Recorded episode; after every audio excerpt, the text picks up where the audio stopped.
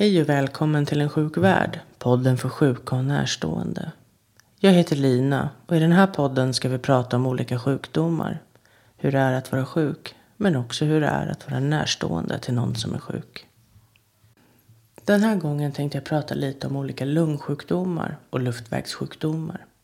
Det finns tyvärr många och det är omöjligt att täcka alla på en gång. Så jag börjar med att ta upp tre olika sjukdomar men som på något sätt drabbar något av det viktigaste vi har, nämligen vår förmåga att andas. Vi som inte har problem med andningen tar det ju för givet att kunna andas obehindrat både när vi är vakna och när vi sover. Men för de som är drabbade kan det låta helt fantastiskt att inte behöva bry sig eller oroa sig om någonting så livsviktigt som att obehindrat kunna fylla lungorna med luft. Men tyvärr så finns det många sjukdomar som drabbar just lungor och luftrör. Och jag tänkte börja med KOL. Och det står för kronisk obstruktiv lungsjukdom. Och för att få diagnosen så måste man genomgå en spirometri.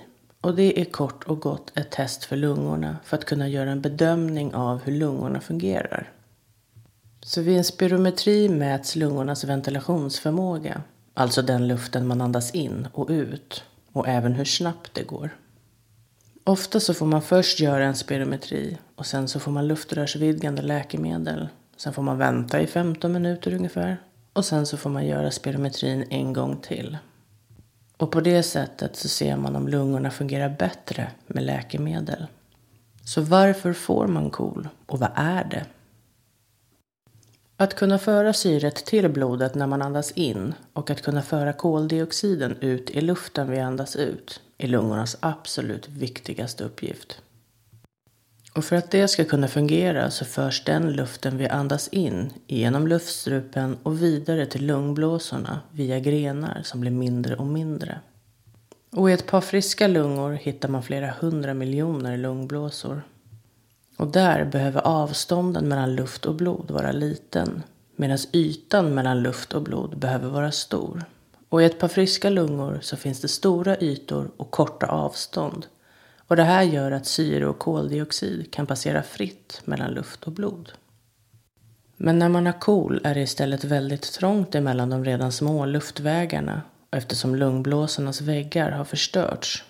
Det innebär att lungans elasticitet har minskat och luften får svårare att passera när man andas in och ut. Det gör att man vid KOL får en mer ansträngd andning. Och en stor anledning till att man får KOL idag är rökning. 90 procent av drabbade röker eller har rökt under en längre tid.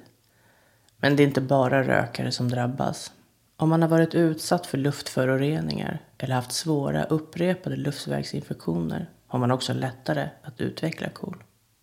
Och vad många inte vet är att man ofrivilligt kan gå ner i vikt på grund av sjukdomen. Man har en ökad risk att tappa fett och muskelmassa. Och tyvärr kan det dessutom vara ansträngande att äta eftersom det kan gå åt mer energi till att andas. Och tappar man vikt så innebär det att kroppen inte får tillräckligt med energi och det i sin tur försvagar kroppens motståndskraft mot infektioner. Så hur behandlar man KOL? Finns det en bot? Nej, KOL går tyvärr inte att bota. Men stort fokus ligger på att så tidigt som möjligt sätta in åtgärder för att man som drabbad ska få så hög livskvalitet som möjligt.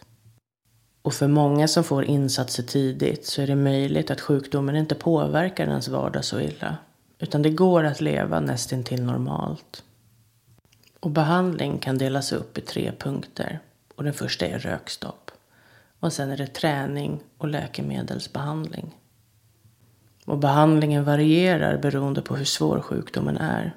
Är den mycket svår kan man få syrgas för att kunna syresätta sig ordentligt.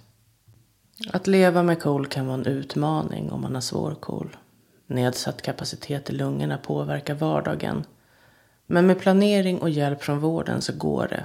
Livet tar inte slut på grund av en diagnos. Man behöver bara planera sin vardag lite mer. Den sjukdom jag tänkte ta upp näst är sömnapné.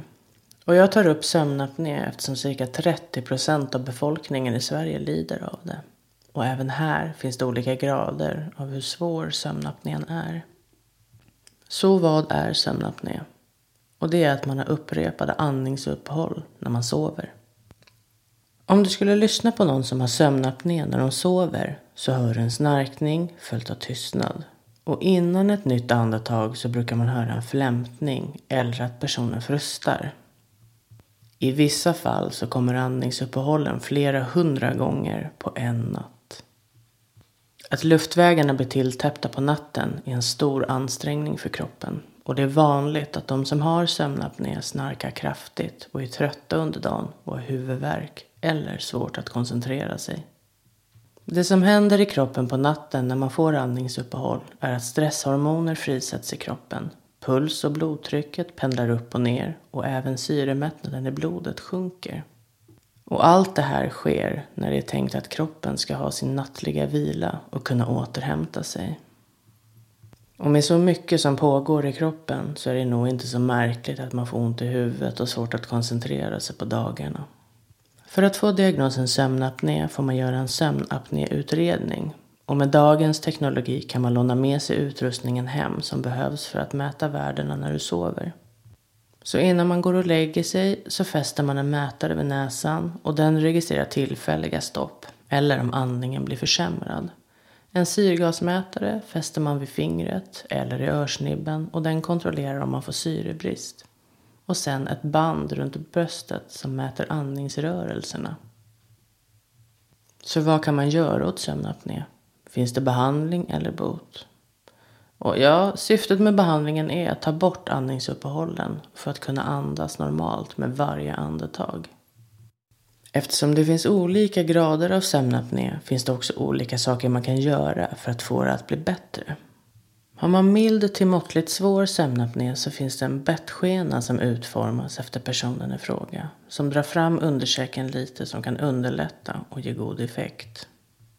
Och den förhindrar även att tungan faller bakåt när man ligger på rygg. Och det kallas för antiapnéskena eller sömntandställning. Sömnapné kan ha flera olika orsaker och några av dem är bland annat övervikt. Man kan få fettvävnad kring luftstrupen då. Och då får luften svårare att passera till och från lungorna. Det kan även bli trångt i halsen och svårare för luften att passera om man har ett överbett.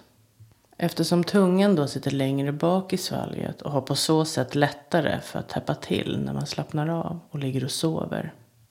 Sen kan också alkohol vara en bidragande faktor eftersom att alkoholen gör så att musklerna i svalget slappnar av mer och det kan göra så att luften får svårare att passera.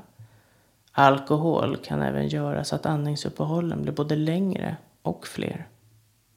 För de som lider av medelsvår till svår sömnapné så finns det en behandling som heter CPAP. Och den är väldigt effektiv och innebär att man får sova med en mask på sig som via en slang och en kompressor skapar ett jämnt övertryck och på så sätt håller luftvägarna öppna.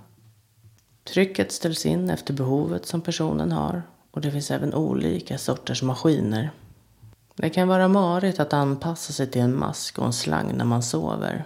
Men dagens maskiner är relativt små och tystgående och de som har maskinerna säger att det ändå går relativt fort att vänja sig när man märker skillnaden på att sova med och utan dem.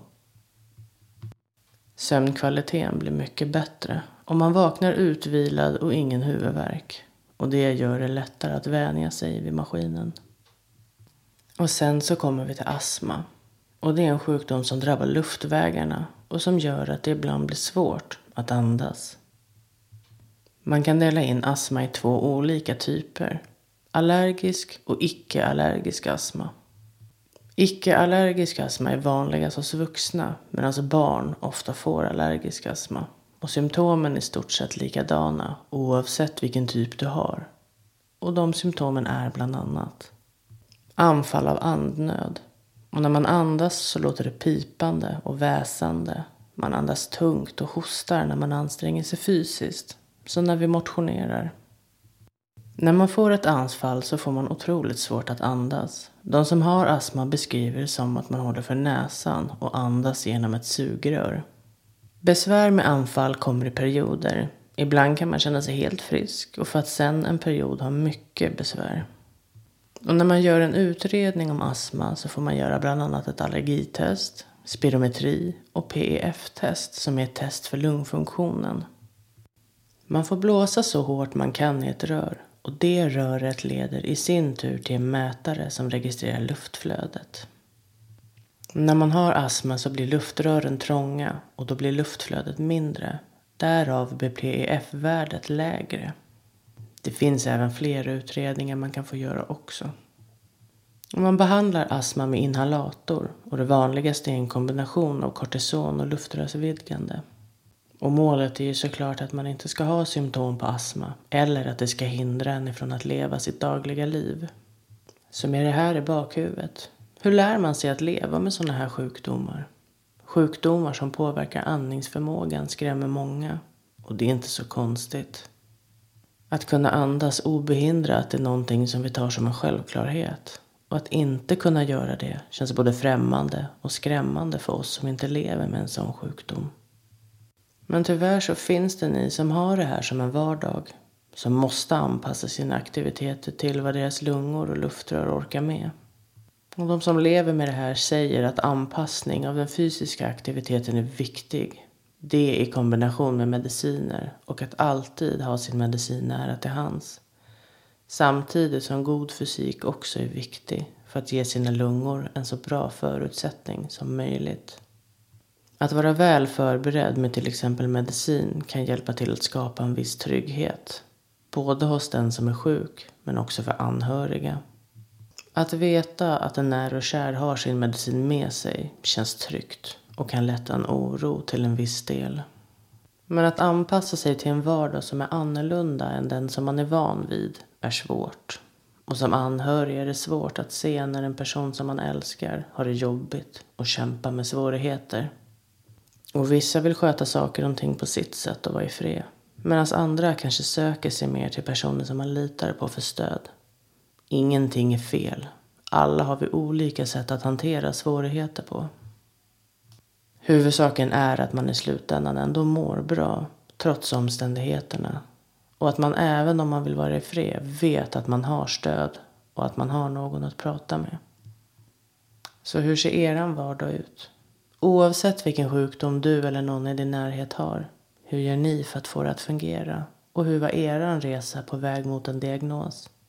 Maila gärna in och berätta så tar jag upp det här i podden på ensjukvärd.gmail.com. Nästa gång tänkte jag prata om olika hjärtsjukdomar och hur det kan påverka livet. Så tills nästa gång, ta hand om er.